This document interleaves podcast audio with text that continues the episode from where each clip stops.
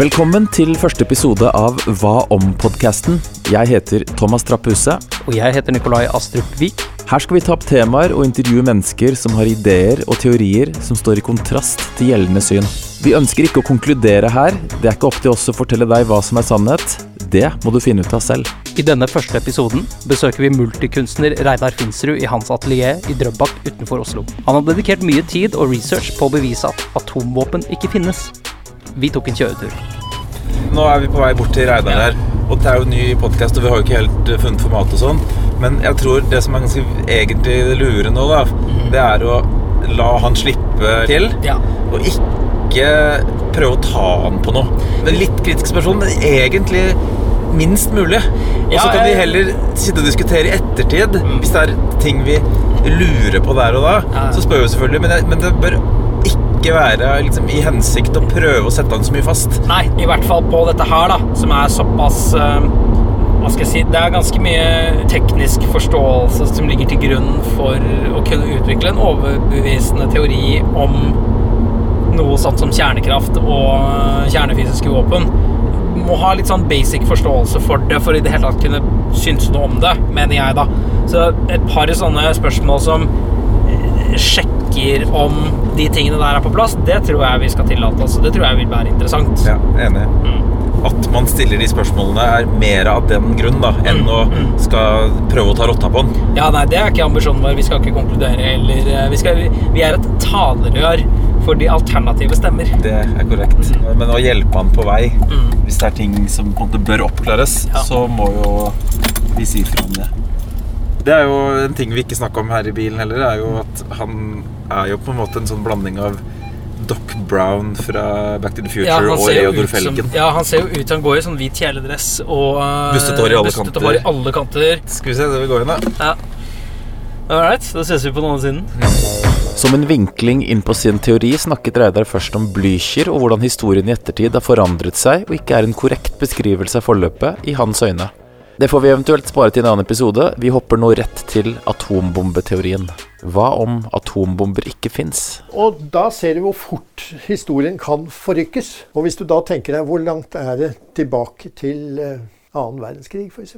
Når vi i løpet av noen år kan forandre en historie her, eh, hva kan man ikke forandre fra annen verdenskrig osv. Og, og jeg er jo sånn nysgjerrig på alt.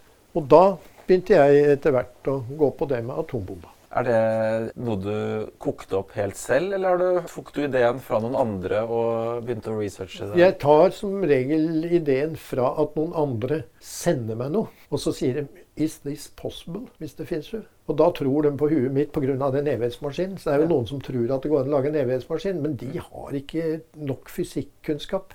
Så en evighetsmaskin kan du ikke lage, men du kan se hvor nær du kan komme. Og så kan du bløffe resten av verden med å påstå at det går an. Men da er det jo akkurat like ille som alle de andre. Kanskje litt verre, fordi du veit at det ikke går an. Ja, fordi fysikken er vel ganske Nei, fysikken er helt klar. Du kan ikke, du kan ikke skape energi ut av ingenting. Nei, du kan ikke det. Nei. Og det slår jo inn på atombomba òg, da. Ja. Er, kan du få et metall til å smelle, eller går ikke det? Ja, men man kan jo lage reaktorer. Ja, det kan man. Det er noe helt annet. Ja. Jeg kan ta en jernplate og gjøre den om til et varmeverk. Det er bare å hive på med saltsyre og dritt, så koker og syder det og spaltes om. Og vi får ut en masse varme, men jeg får jo ikke den jernplata til å fly til helvete. Du må huske på at uran er et metall. Ja. Nei, fordi vi, vi, vi har ikke kommet over eh, denne teorien eh, i researchen vår eh, noen særlig andre steder. Akkurat det på at atombomber ikke eksisterer, det har vi ikke. Vi fant en liten video på tre minutter som sammenlignet Dresden og, og Hiroshima e- etter spillet, holdt jeg på å si. Eh, Og ga vel ikke så veldig mye argumenter, egentlig. Den bare sa at dette er brannbombing, og ikke en Hvis du tar utgangspunkt i atombomba fra før krigen, da sa ikke Einstein at det gikk an å lage en atombombe. Det er bare noe historieskriver har tatt seg til. Han sa det er ikke mulig, sa Einstein. Her f.eks. har jeg lista opp Dette syns jo jævlig dårlig på radioen. Eh, Men her ser du jeg har hver eneste atombombe fram til ca. 500 det- prøvesprengning. 600. Og så har jeg på Excelen så har jeg lagra opptil 2500 prøvesprengninger. Altså helt opp til de siste. Der kan du gå inn og så se hvilken styrkegrad dette har, hvilken attitude det har osv. Hvilken breddegrad og sånn. Og så kan du se etterpå Å, har det vært noe sånn her? Har det vært en atombombe her som er tusen ganger sterkere enn Hiroshima? Du verden. Hvor er skaden etter det, liksom? Og hvor skjedde det? Hvor langt ned i bakken? Var det på overflata, eller var det i lufta? Hvor er det du finner den informasjonen? Nei, den eh, hos meg. Ja. Men hvor har du funnet den? Nei, jeg graver jo. Og så blir dette borte igjen. Så du må jo grave på rett tid. Så bevisene på alt som er avvik i forhold til hva myndighet Nå lager jeg gåsetegn. Myndigheter eller forsvarssaker osv. ikke vil Alt det som ikke vil skal komme ut, det hender jo at det glepper ut. Og da må du ta tak i det med en gang. Sånn som samtalen til Johnson i forbindelse med Koreakrigen. Den ble jo lagt ut for det var vel 30 års grense eller noe sånt. Så ble den lagt ut, og alle hørte på den. Og da sier han til flåtestyrkene Har dere blitt angrepet? Og så sier flåtesjefen nei. Herr president, vi har ikke det. Og så sier presidenten ja, da får dere angripe det selv. Vi har ikke tid til dette, vi har ikke råd til dette. Nå må vi få i gang krigen, sier han. Og, og folk vil jo ikke tro at det er mulig engang, men det er jo det. Og det er akkurat det samme i forbindelse med Egypt og de tingene i, i kampene nede i Suez. Så, så har du jo Liberty-filmene, f.eks., hvor du da angriper din egen båt for å gi Egypt skylda. Så vi har masse sånne. Eh, og så ligger det ute ei stund, og så sier noen at dette er jo farlig. Og så tar Google og fjerner. Men hvis du tar her Her har du en modell. Du kan jo beskrive den sjøl. Her har du en modell på den såkalte første atombomba. Og Det ser ut som en eh, blanding av en avlang kanonkule og en stikkpille som henger i et uh, sånn uh, Svært stativ. Svært stativ. Og veier 214 tonn. Og da har du en liten modell av en person under som viser hvor enormt stort den er. da. Ja. Jeg vet ikke hvor mange etasjer høy den der er. Og ideen her var å lage en så stor kovring av en eksplosjon at trykket forplantes innover til uran 235. Ja. Så det er en slags primitiv implosjonsbombe, da. Ja. Eh, og når man da sprenger av denne, så går man i stor sikkerhet. Man aner jo ikke hva som skjer. Men det som skjer, er jo at den dynamitten Forskjellen på dynamitt og TNT Det er større kraft i dynamitt, men den slår raskere. Så du må tenke hva, hva er en fordel? Skal, hvor raskt skal eksplosjonen skje for at du skal få til den og den virkningen? Så du har jo masse forskjellige blandinger. Men i hvert fall så ligger den som et museum i dag. Og da ser du bildet av den der. Den er et museum. Og viser at skallet sprakk opp som et kylling kommer ut av et egg. Så noe voldsom bombe ble det ikke, gitt. Så har du nummer to, som man så i militæret. Det var et tårn med 100 tonn TNT. Ikke noe annet. Så begynte de filmene å dukke opp etter hvert, da, som skulle vise at det, det hadde skjedd en stor eksplosjon her. Eh, Det kan vi komme tilbake til senere. Men så kom den som i dag For nå har de forflytta det. For det var første atombombe. Trinity. Det er Trinity-testen, Ja. rett og slett. Mm. Ja. Men så er den flytta til den. Ja. Fordi disse har folk søkt på og funnet ut at dette har jo ikke noe med atombomber å gjøre. Så nå er historisk nå har den fått status som den første. Ja, for det er, det er jo den som refereres til som Trinity, den, den det med det der Ja, tårnet der. men det var altså. egentlig den. Ja. Så er det den. Og hvis du ser på eksplosjonen der, de filmene som er av det, så er det enorme saker. Men når du ser på bildene som er fra stedet etterpå, så ser du ei bitte lita grop som en gravemaskin kunne lagd i løpet av et par timer. Det er det eneste. Dette stemmer overhodet ikke med de filmene som er produsert. Og den er jo uansett ikke mobil, for det er jo et stort uh, tårn. Ja, basically. men selve bomba er nok mobil. Du hadde okay. en fly som kunne løfta den. Ja, så det er, Eh, Men det er den konstruksjonen som jeg har laget der. ja, som er en klassisk sånn implosjonsbombe. Ja. Og det er den de da påstår seinere at de bruker i Hiroshima. Da. Nei, Nagasaki, mener jeg. Ja. Så kommer Hiroshima-bomba, og så er det rare. Den er da avfyrt liksom, og den brukes da i Nagasaki. Men Hiroshima-bomba, den har aldri vært testa. Her får du det til for første gang. Altså gun assembly, det er den som har et, eh, basically et kanonløp, hvor du Ja. da skyter en uh, To, ring to, med to plugger med Ja, uran uran. 235 mot går- hverandre inne i løpet. Selvfølgelig Ja. i vakuum. Det står ikke på tegningen, men det må det jo være. vakuum, og det skaper da kritisk masse, som de påstår at det heter, når det da Ja. eh, blir stor nok masse og stor nok radioaktiv aktivitet til at det er en selvakselererende Ja, og hvis den virka, så skulle jo alle land i verden som bare har litt uran, fått til dette. For å si Det det sånn. det- veldig enkel teknologi. Veldig egentlig. enkel teknologi. Etter sigende så var det visst en svenske som jobbet der, og de fikk den ikke til å gå. Og så sa han sånn, ja, men grabberne, vi skal ikke prøve med lite dynamitt. Og så eh, etter sigende så fikk de det til med det, da. Ja. Det, Og når du da ser på Hiroshima Her har vi 360 graders bilde av Hiroshima. fantastisk flott bilde. Med ganske høy oppløsning. Disse pipene blir jo stående.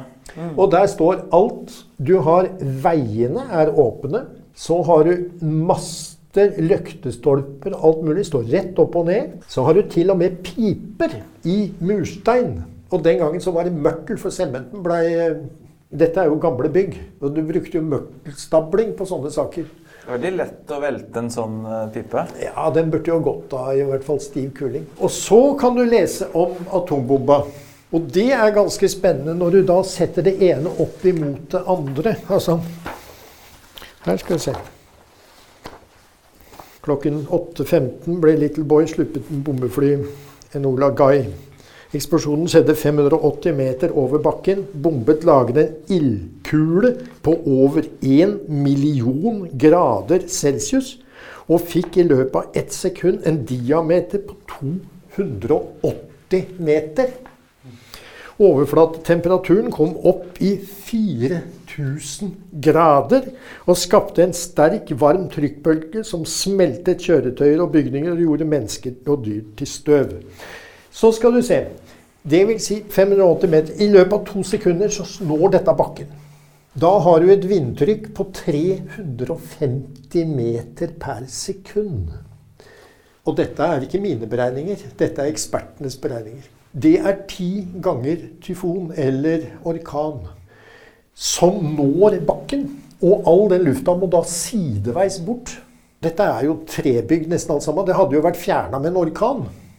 Og her står alle tingene, og det er ikke møkk i gatene engang. Her står jo et tre. Ja. Så det er jo ikke noe som stemmer med, mellom det som blir beskrevet og, og det der. Så Prøv å ta et panoramabilde her, jeg. det ligger på nettet. Gjør du det? Dette Ja. Du søker bare, og det kan jo alle lytterne gjøre òg, du søker bare Hiroshima, altså 360 grader view, så har du det med en gang. Og høyoppløselig. Mm. Da kan jo enhver lytter studere det sjøl. Og alle de andre tingene finner du. Altså hvis du søker First Atomic Bomb og sånn, så finner du alle disse bildene på Wikipedia. Man må bare tenke litt annerledes på det enn det som det står om der. Eh, Det ligger også masse bilder på nettet fra Tokyo, hvor man sammenligner Tokyo og Hiroshima. For hva er det dette bildet viser?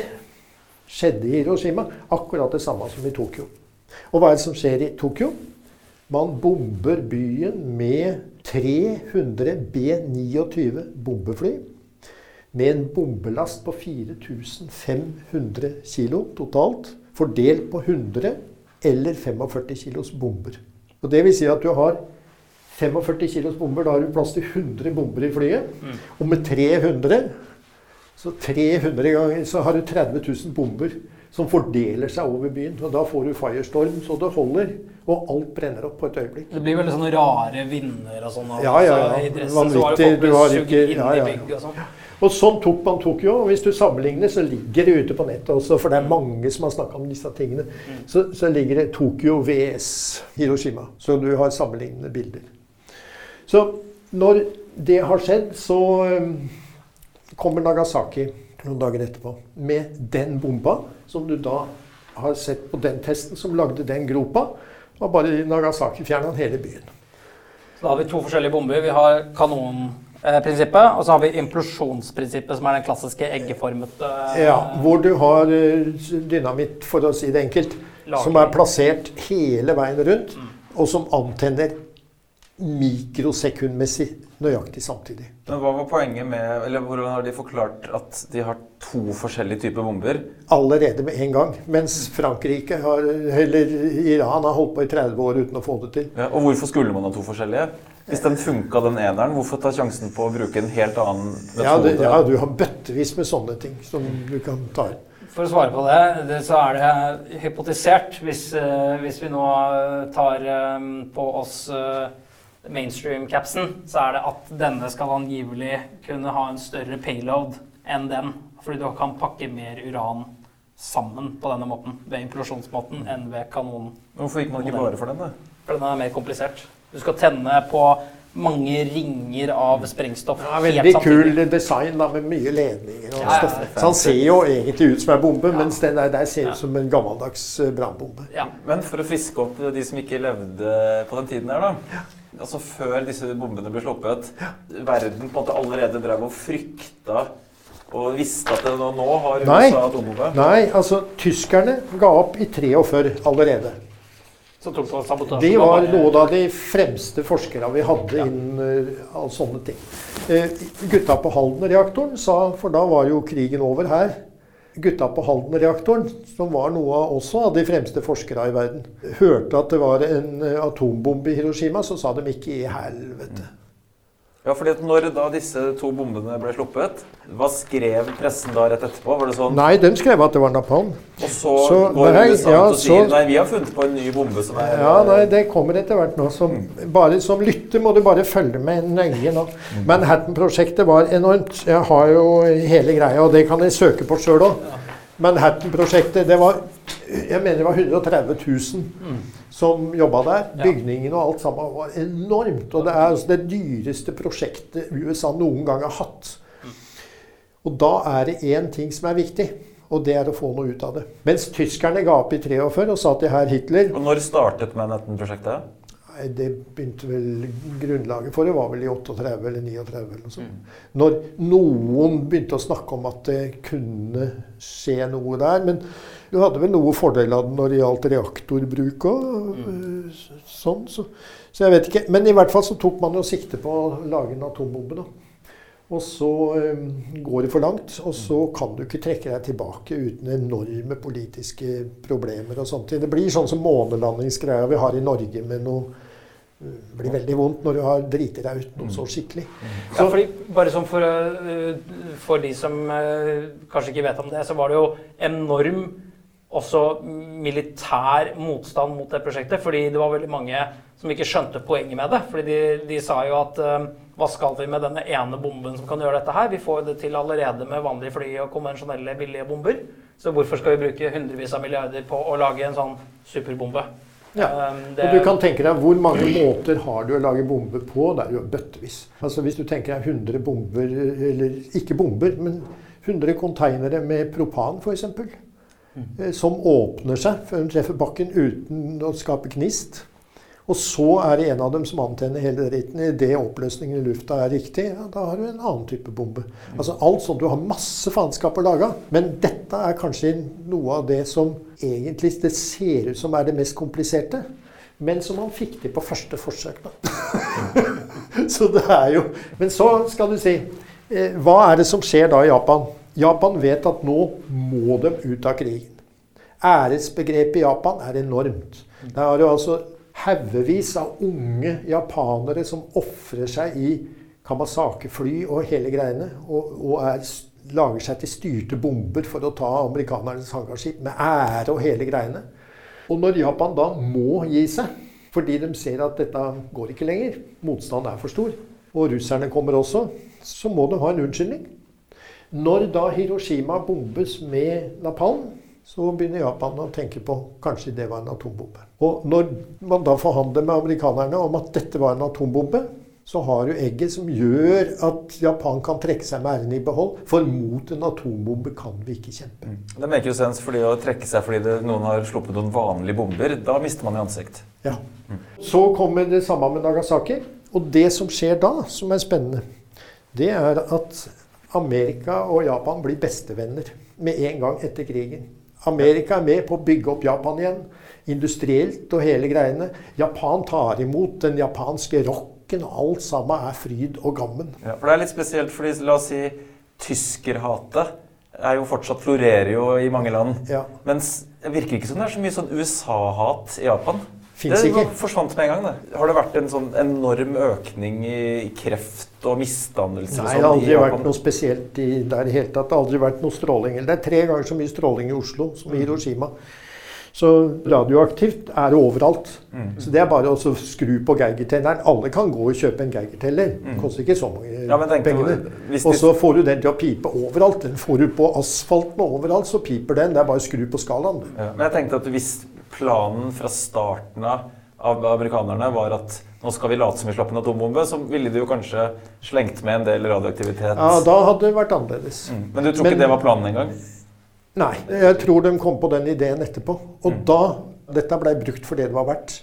Fordi det løfter plutselig amerikanerne ut av Manhattan-prosjektet som et vellykket en vellykket greie. De kommer ut ifra en veldig kritisk situasjon hvor de har brukt opp alle pengene Amerika har omtrent, uten å få til noe. Så plutselig har de fått til noe. Det er jo to dimensjoner av denne konspirasjonen her. da. Det ene er jo at de har løyet om hva som skjedde i Japan. Det andre er jo at de har løyet om atombomber fins eller ikke. Men fins det fortsatt ikke?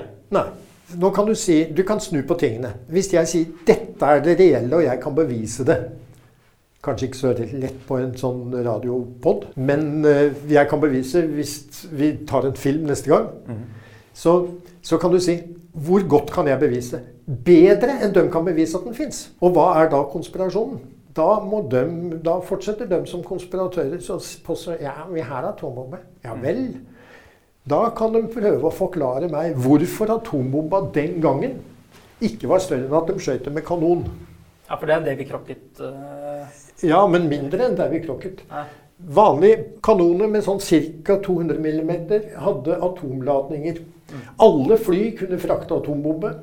Der vi krokket, som var den mest brukte hærens bombe, som du ser der borte, den er det plass til ti stykker av i en gul Cessna. Ja.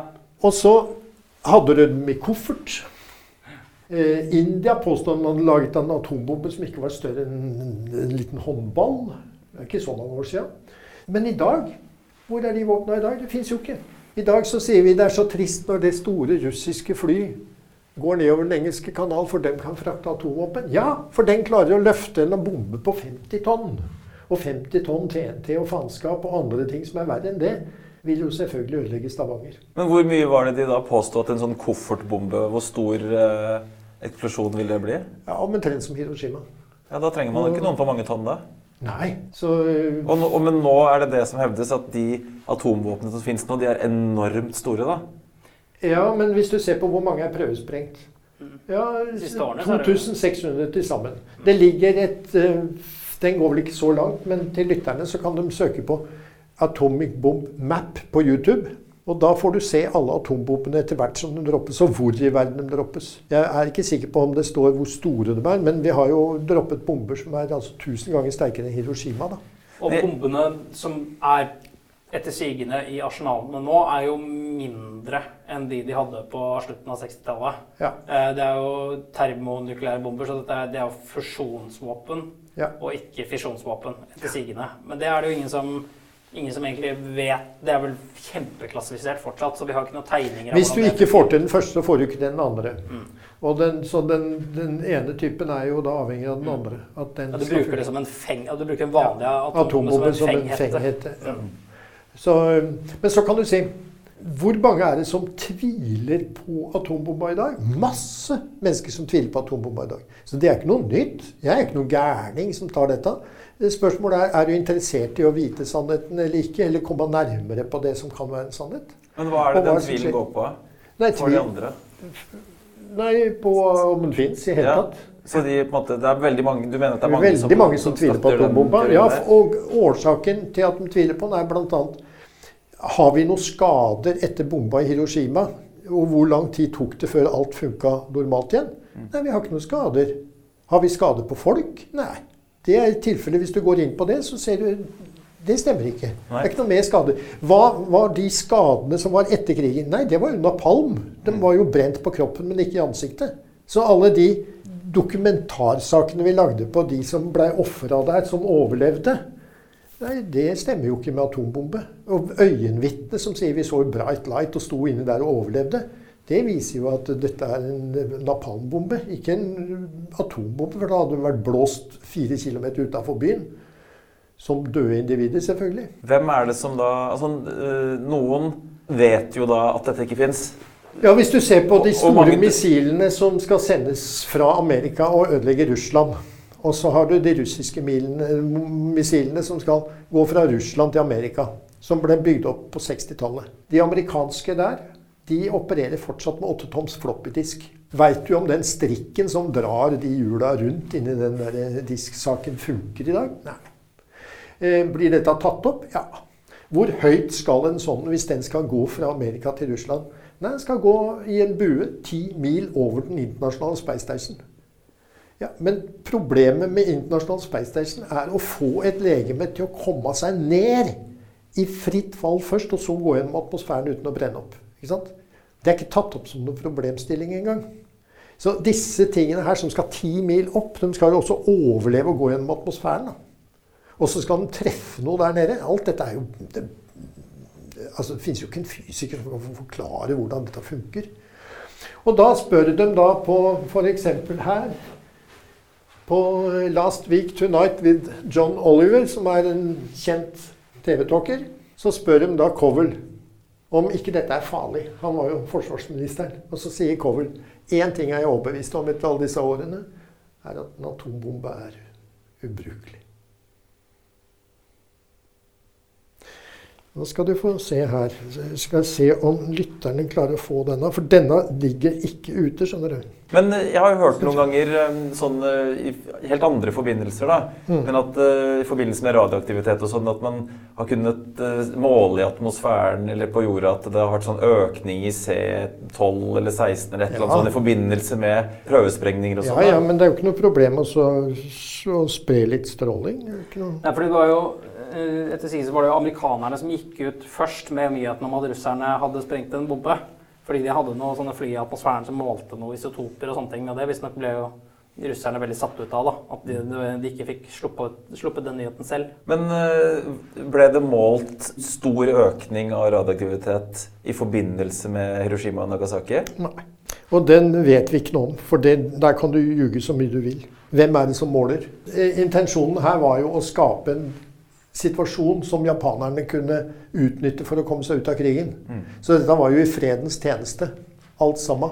Så en løgn her i tilfelle, den var jo da i fredens tjeneste. Men Tenker du at eh, den kunnskapen om hvorvidt eh, disse bombene funket eller ikke, tror du den er såpass spredt at det- jeg lager ladningen, og han lager koblingen, og han lager høydemåleren og sånne ting, så at det er ingen av de som jobbet i Manhattan-prosjektet som egentlig vet om den funket eller ikke? Eller tror du alle de som Nei, ingen, det? ingen eh, vet noen ting. Ja. Men noen ble jo tatt ut som så prøvesprengninger. Men det var jo ikke borte og så om hvor store mengder med TNT som lå der. Men eh, da er det jo sånn at amerikanerne ljuger, russerne hevder de har det, men, og vet Ja, at de ikke har har samarbeida hele tida. Og India. Altså Alle landene er bare med på denne runddansen her, da. Hvorfor er det ikke flere som ljuger på seg at de har det? Du har jo dette her med at det er, det er veldig lett nå å gå ut og si vi vil ha en uh, ikke-spredningsavtale osv. Mm. Og det er jo forhandlingskort, da. Mm. Så det er jo klart at Kim i Nord-Korea han eh, har jo ikke noe atombombe, han. Men er eh, han, amerikanerne kan jo ikke si at den ikke har. For da sier jo han Men herregud, har dere? Så det er jo hele tida en sånn forhandlingsgreie. Sånn Sånn at det, hele det Nord-Korea-opplegget er jo kun en, eh, et spill, da. Ja, men det er jo veldig enkelt. Altså, I, Nord i, i, i Koreakrigen Altså alle krigene så har Amerika tapt pga. for dårlig teknologi. Altså, du brukte, og hva brukte du? Napalm. Er det noe du helst ikke vil dø av, så er det napalm. Samtidig ødela de skogene for å kunne komme til å se folk som gjemte seg. Med kjemikalier Ja. osv. Istedenfor å droppe ei lita atombombe så alt hadde vært ålreit, sånn som det beviselig var i, i, i Hiroshima rett etterpå. Um, Det er en liten film fra Hiroshima etter krigen. Altså med en gang uh, etter bombinga, da. Hvor du ser folk i gata. Og så sier han Here it is eh, et eller annet sånn eh, med noen atomsaker, og atomkrigen er liksom sånn og sånn. Jeg vet ikke om lytteren kan høre dette, Men nå tar jeg opp mobilen, og så tar jeg den forbudte filmen. Og den er altså Den første delen, den er i historiske filmer. Den kan du finne på Wikipedia. Men så er den klipt. Men her skal du få hele. Hvilken by er det fra? Det er fra Hiroshima, og det er et amerikansk filmteam før det liksom ble endelig bevist at det var en atombombe. På en måte.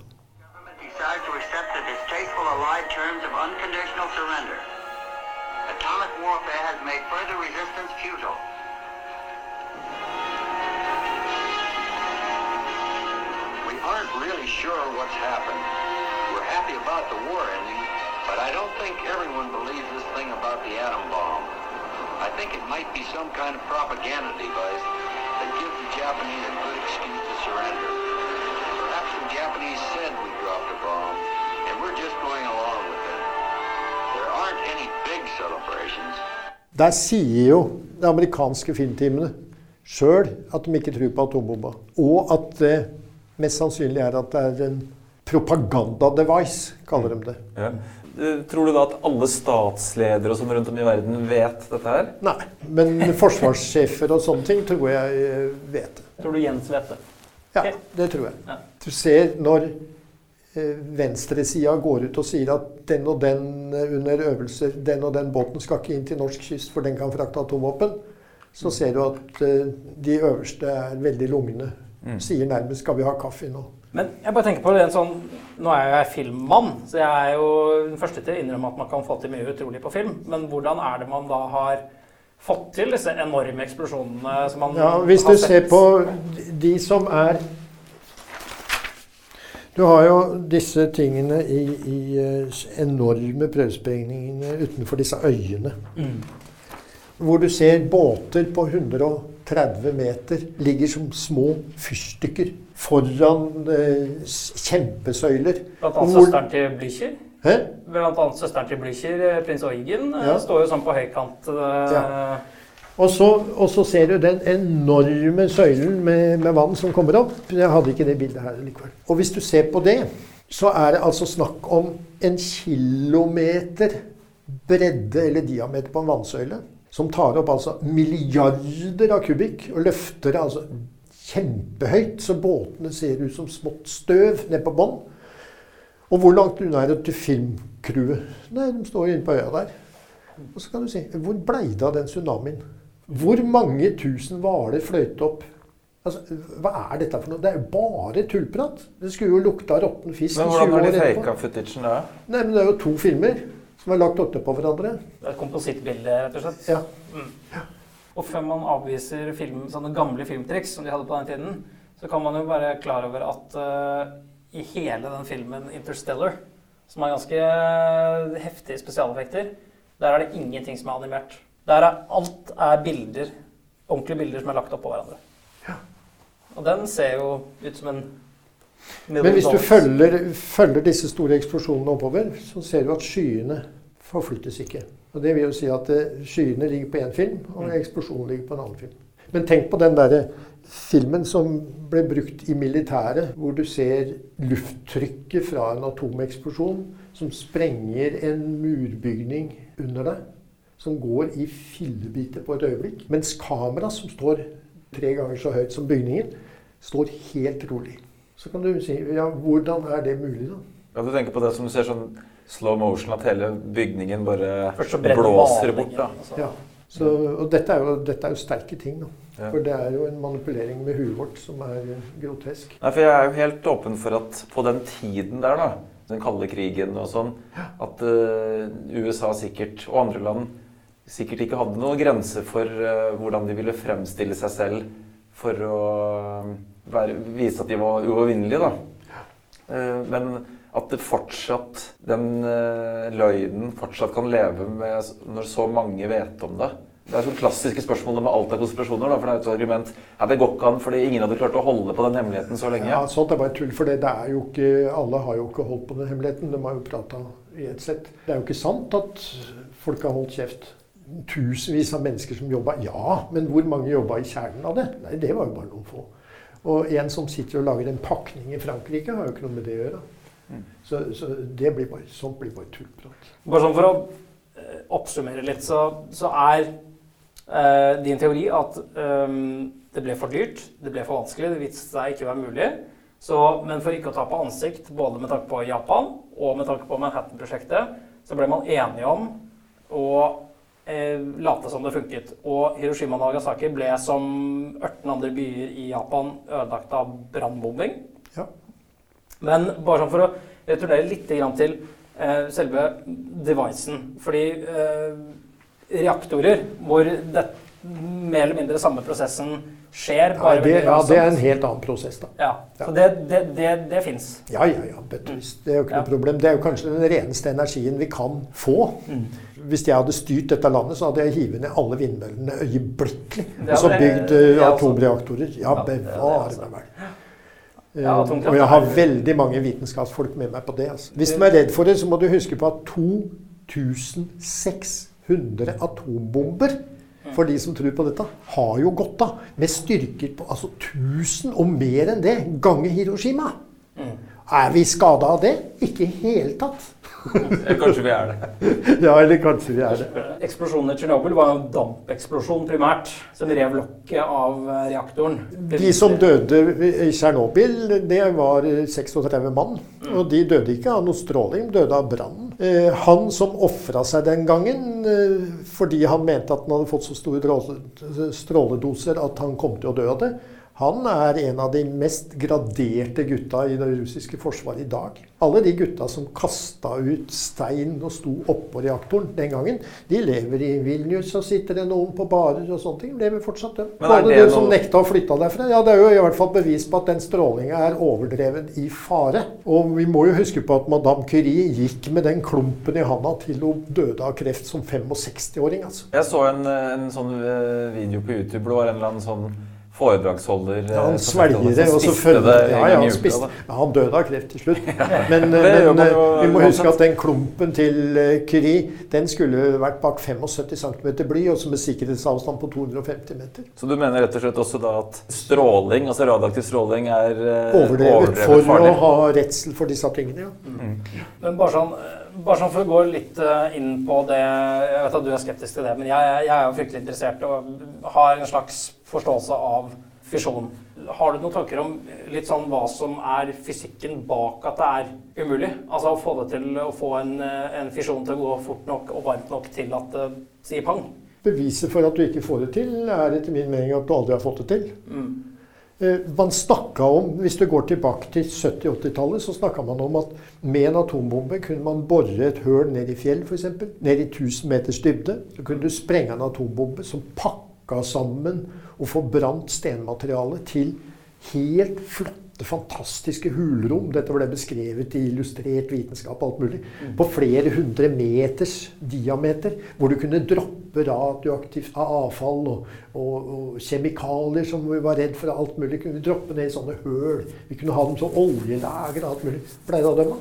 Det var jo bare satt ut av én mann. Så vi har jo ikke sett noe Har du brukt atombomber sivilt for å fjerne en felttopp eller et eller annet som var litt ugunstig? Har vi sett noe sånt? Nei. Du har SAR-bomba, som var enorm. Og når folk eh, sier 'jeg følger deg langt på vei', Reidar, men hvordan kan du forklare SAR-bomba? Så sier jeg nei, den kan jeg ikke forklare. Men en av ideene kanskje for å få det til, det er at du tar de største sprengladningene du kan løfte opp, som kanskje er 60-70 tonn. da. Det er den russiske du snakker om, eller? Det er en Ja, da- kjempestor som var Ja. 63, var det ikke det? Ja. Eh, Som smalt Og så, og så slipper du simultan i en sirkel. Så går du 30 mil den veien, og så slipper du en ny en der. Og så, sånn, og så går de av på samme sekund. Sånn at du kan måle virkninger i en mye større avstand alle veier. Ja, for det hevda russerne var en uh, atombombe. Den er jo veldig overbevisende, for der, i motsetning til Trinity-testen og Castle Bravo i Stillehavet der, så, så ser man jo at skylaget beveger seg og omdanner seg og sånne ting i den filmen. Ja. Ja. Men om den filmen er uh, virkelig, det, det vet jeg ikke. Men- Men, men- der, der er det i hvert fall eh, en annen sak du begynner å lure på. Hva skal du med det? Altså, En sånn bombe. ja, For det første så er det jo forferdelig vanskelig å levere.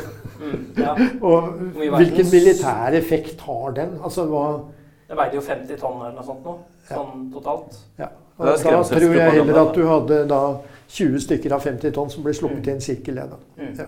Ja, det, det, det, og det er, det er det mange som snakket om også, at det, det, det er ikke noe poeng å ha termonukleære bomber når du har atombomber, fordi de er så store at de er praktisk ikke anvendbare som de er. Ja. Eh, altså, rett og slett hvis du vil ta London, da, for å ta på oss eh, førerhatten, eh, så er det ikke noe interessant å ta London eh, ved å bare legge det helt i grus. Du vil jo gjerne ha industrien, du vil gjerne ha monumentene, som vi snakket om på vei hit. Han Hitler var glad i foto-ops, når du ser på Eiffeltårnet eh, Eiffeltårn-trippen hans og sånne ting. da. Så det er jo vi kommer til et punkt hvor atombombene blir for store til å ha noe praktisk nytte. Men det rare er jo at militæret snakker om atombomber som taktiske atomvåpen. Mm. Og det er jo det er håndgranaten som er taktisk. Atomvåpen er ikke det. Den kan bomme med flere hundre meter uten at det betyr noen ting. Så har du det der med tyskerne som ga opp i 43. Hvorfor lakk ikke det ut at de de hadde gitt opp, liksom? Nei, det er helt logisk. For da tenker tyskerne la dem holde på og bruke ressursene sine på det der, for det virker ikke allikevel. Så alle ting du kunne sette i gang med for å opprettholde kappløpet, var jo det beste for Hitler-Tyskland. Men hvordan, sånn, hvordan tenker du da USA vet at det ikke fins. Russerne vet at det ikke fins. De har jo, samar ja, samarbeida hele tida. Ja, men hvor, hvor mye av dette sånn fiendskapet mellom f.eks. Russland og USA er, er da bare et uh, spill? Ja, det, ligger, det ligger i lag, det. Du har spionsikte, som er der, og så har du atomgreiene, som er der. Vi må jo huske på at amerikanerne kommer eh, til internasjonal space i dag med russiske raketter. Mm. Altså, Det samarbeidet har vært der veldig tidlig. Men det er skjult fordi russerne skulle bli fornøyd. Amerikanerne skulle Så de møtes og humrer litt i skjegget og ler litt? Liksom, Ja, det vil jeg tro i forskjellige enn- lag, ja. Det har jo stått fram nå i RTV, så har det stått fram russere på min alder, altså i 70-åra, som sier vi var så engstelige i den kalde krigen fordi fattern og mutter'n var så mye i Amerika. Far var atomforsker. Og akkurat det samme har vært på CNN, at de har intervjua folk fra Amerika som, som da hadde foreldre som var i Russland. Og dette er den kalde krigen. Men tror du, Så da, hvis du skal feike noe, så må du ha et samarbeid. men tror du f.eks. da at eh, han eh, Fuchs og Rosenberg-paret og sånne ting, tror du de ble tatt av dage pga. andre ting, da? Ja, men eh, folk som da på en eller annen måte kunne bevise at det ikke gikk an, de var jo farlige. Mm. Og de tegningene som ble tegna, liksom forslag på fusjonsbomber og sånne ting, det så jo fryktelig primitivt ut. Det er sånne skoletegninger som du kanskje lage på en bar for å vise en kamerat eh, hva vi holder på med nå. Så- Når var det Einstein døde? Hvis han da, før dette ble bygd, hevda at det var umulig, ville han ikke Før 235 så sa jo Einstein at dette var umulig. Mm. Men, Men hvorfor eh, ville han ikke fortsette å sånn, en slags eh, prøve å overbevise verden om det i ettertid, hvis han syns at dette var helt åpenbart tullete, da? Ja, det, det spørsmål hva du blir trua til, og hva som er politisk riktig. Så um, Det er masse ting vi må passe oss for.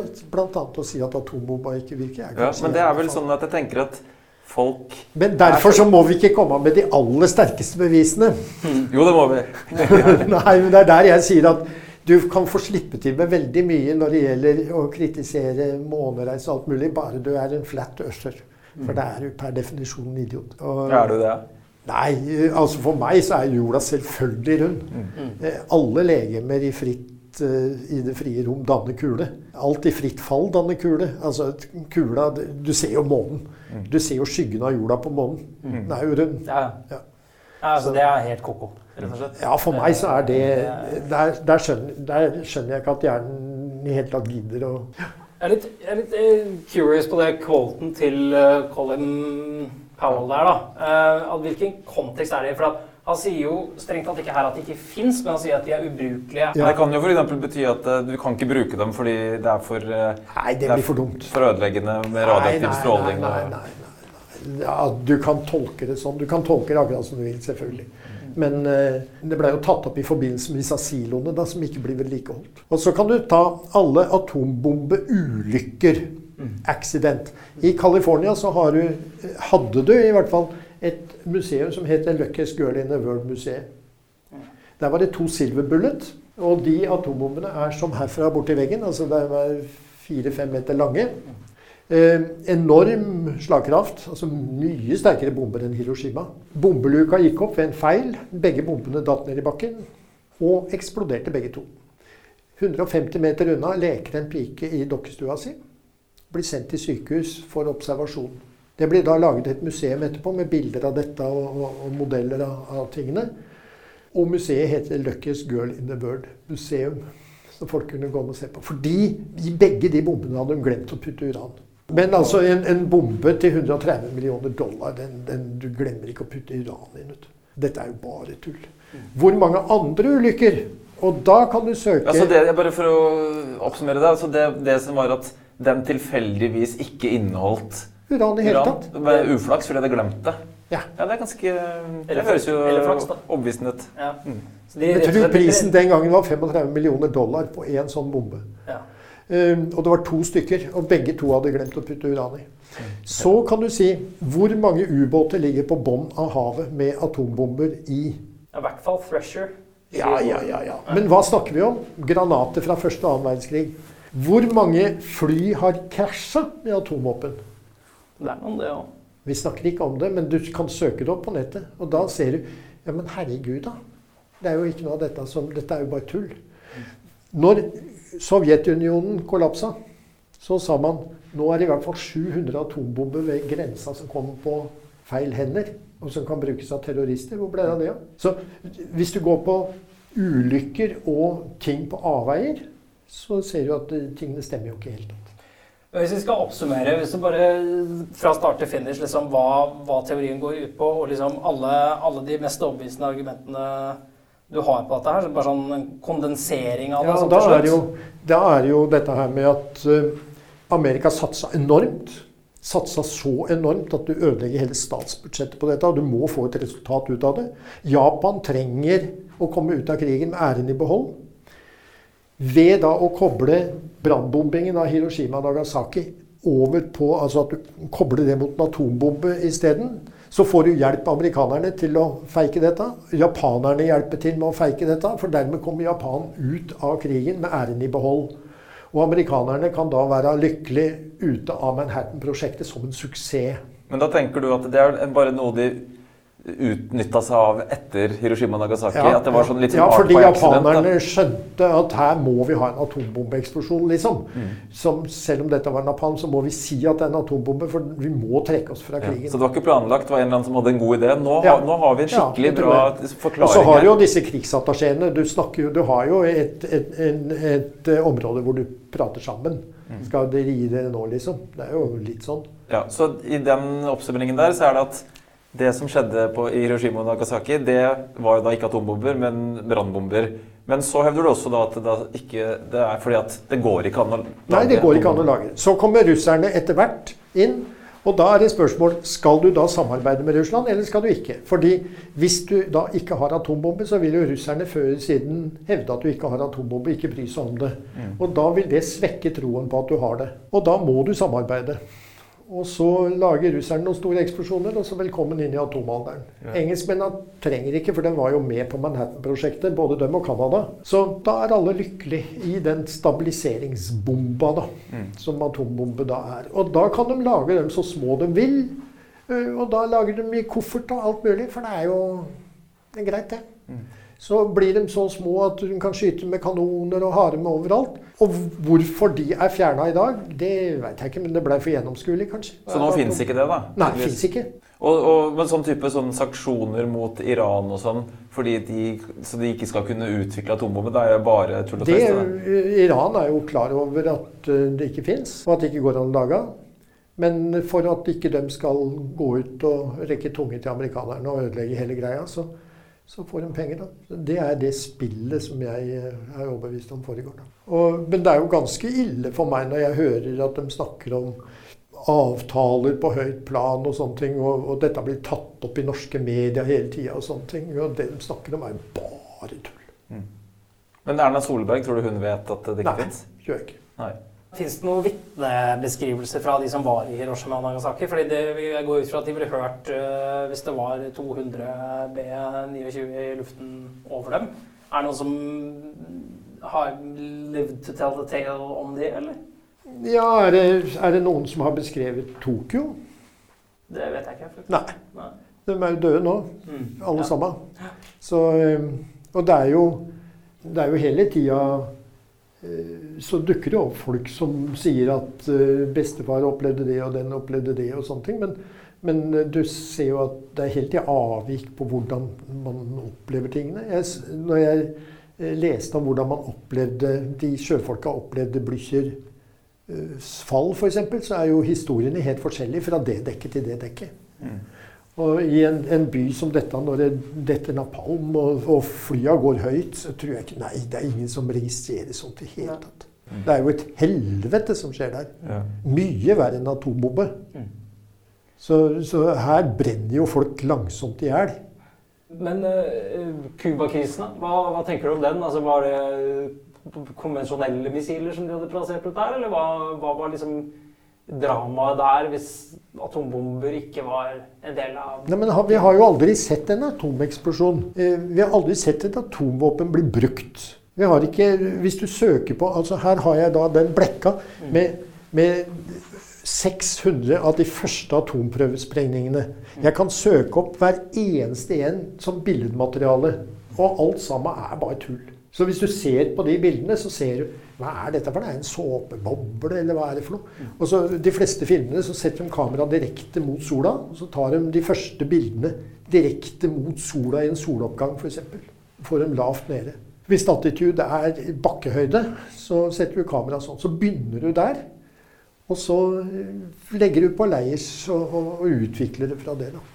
Men det er jo ikke fordi om du har en film som er feika, så er jo ikke det et bevis på at den ikke fins. Det er bare et bevis på at den filmen er feik. Men, og da må vi gå på de andre bevisene, som bl.a. er eh, rasering av natur eller områder eller stråling osv. Jeg sendte eh, den lista der sendte jeg til en som drev med skogforsk for veldig mange år siden. Og han sa han gikk over skogsområdet, for der har han sånne stråletabeller. Det var ikke noe som stemte. Altså du kan si Det, det jeg syns er mest øh, overbevisende med denne teorien, da, det er jo uregelmessighetene rundt retorikken. Og dette her med at du kan få eh, atombomber inn i kofferter, som er kjempeskumle. Og så er du allikevel avhengig av supersoniske svære fly og raketter for å frakte payloaden til eh, dit den skal. Og dette her med at det er såpass mange atombomber på avveie. Ja, altså, Ingen er brukt. Nei, og så sier vi at de flya vi har, f.eks. ikke kan frakte atomvåpen. Det var jo merkelig.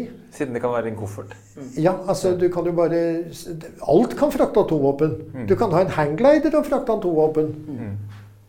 Ja, Men det- mener du også da at det Altså den teknologien, eller den, eh, det å lage altså Sånn de hevder at en atombombe blir konstruert, da. At nå med den informasjonen og moderne teknologi at hvilken som helst eh, La oss si en terrororganisasjon med litt penger lett burde kunne lagd det? Hvis ja, de an. selvfølgelig. Men det, da hadde de gjort det, hvis de kunne. Ja, ja, men eh, de kunne jo bare kjøpt fra russisk lager når alt kollapsa. Jeg fikk jo tilbud på en ubåt. På 100, en, en båt som var litt over 100 meter, og jeg skulle Og så sa jeg det er jo galskap. Og da kom, fikk jeg tilbud på en. Det mener jeg var en 30-35 meters eh, ubåt. Den var skrella for militært utstyr, men jeg skulle få den for Dette var på ja, var den tida hvor alt materiellet ble solgt ja, gjennom en stråmann. For da hadde jeg det huset nede ved Torkestranda. Og da sa han den kan jo ankres opp her. Og, Hvor mye skal den ha for det? nei, det var snakk om litt over 100 000. For hvis ikke så måtte den hogges, liksom. Så kunne jeg like godt få den for den summen. Og det er vel da 500 000 i dag, da. Kunne jeg få en ubåt. Eh, Den hadde vel kosta meg så mye at jeg hadde gått konkurs på den. Men, eh, men eh, tilbudet var reelt. Og da solgte de alt. Og de solgte også jeg Husker at jeg fikk sånn huskemetall, sånn som er i termostater bl.a. Sånn bimetall, sånn at du kan bøye det under en viss temperatur. Og så hvis den kommer i den temperaturen, så går den ut til rett form eller en annen form igjen. Og de ble brukt i maskingevær som var vannavkjølte. Eller maskinkanoner som var vannavkjølte. Og der kunne jeg få en hel palle. Så jeg fikk noen som prøver, da. Og da er det jo ganske suspekt at ikke et eneste Atomvåpen. har havna på avveie til noen Nei, for de solgte jo helt vilt. Alle tok seg til rette. og... Man har kanskje solgt mange, men det viser at de funker ikke. Ja, det kan godt hende. Nå kom du med en ny teori. Det var jo spennende, den. og da holder du kjeft, kanskje, hvis du har kjøpt atombombe. Det er litt flaut å ha kjøpt atombombe som ikke funker. Med det skal vi konkludere tidenes mest feel good eh, konspirasjonsteori. Ja, dette er jo en eh, veldig lykkelig greie, dette. Altså da, da vil jo jeg si at Ikan har jo har dette her helt eh, snudd på huet. Det er jo atombomber som burde få Nobels fredspris, Ja. egentlig. ja, for de har klart å holde fred i verden siden krigen. Ja. Og fram i hvert fall de store konfliktene holdt de unna. Altså Myten om atombombe burde fått Nobels fredspris. Ja. Men eh, det er bare så synd at vi brukte store ressurser på bomberom av alt sammen. Og de blir jo i dag bare brukt som lager. Ja. En av de gutta som har kommet lengst på dette, er jo eh, Anders Bjørkmann, som er en skipsingeniør. Mm. Han har uh, lagt ut veldig mye linker på sin side, men den er også vanskelig å finne. Ja. Hva sier folkene på Kjeller og i Halden og sånn om dette her? Eh, Hva de sier i dag, aner jeg ikke. Det er jo gått noen generasjoner. Så. Ja. Men Men de som studerer da altså ingeniør altså Jeg vet ikke akkurat hvilken utdannelse man eh, Hvis man jobber med Elektroingeniør ofte. ja, utvikling av uh, kjernekraft, da. De som da på en måte blir eh, er, eh, studerer på de store universitetene i verden og sånn, de er lurt opp i stryet. Altså de driver og lærer ting som eh, ikke egentlig går an. Eller vet de det også helt innerst for å si det sånn En som kan eh, Som setter seg inn i disse tingene Forutsetningen for vitenskap er jo at du hele tida prøver å komme videre. Bortsett fra at det er ikke sånn vitenskapen er lenger. da. Nei, Nå har det blitt en for den er det du har lært i boka di. Altså ikke begynne å søke på egen hånd. Det er vitenskapen i dag. Hva skal vi konkludere med? Eller, vi, vi, det vi egentlig har sagt, at i den podkasten her, så konkluderer vi ikke.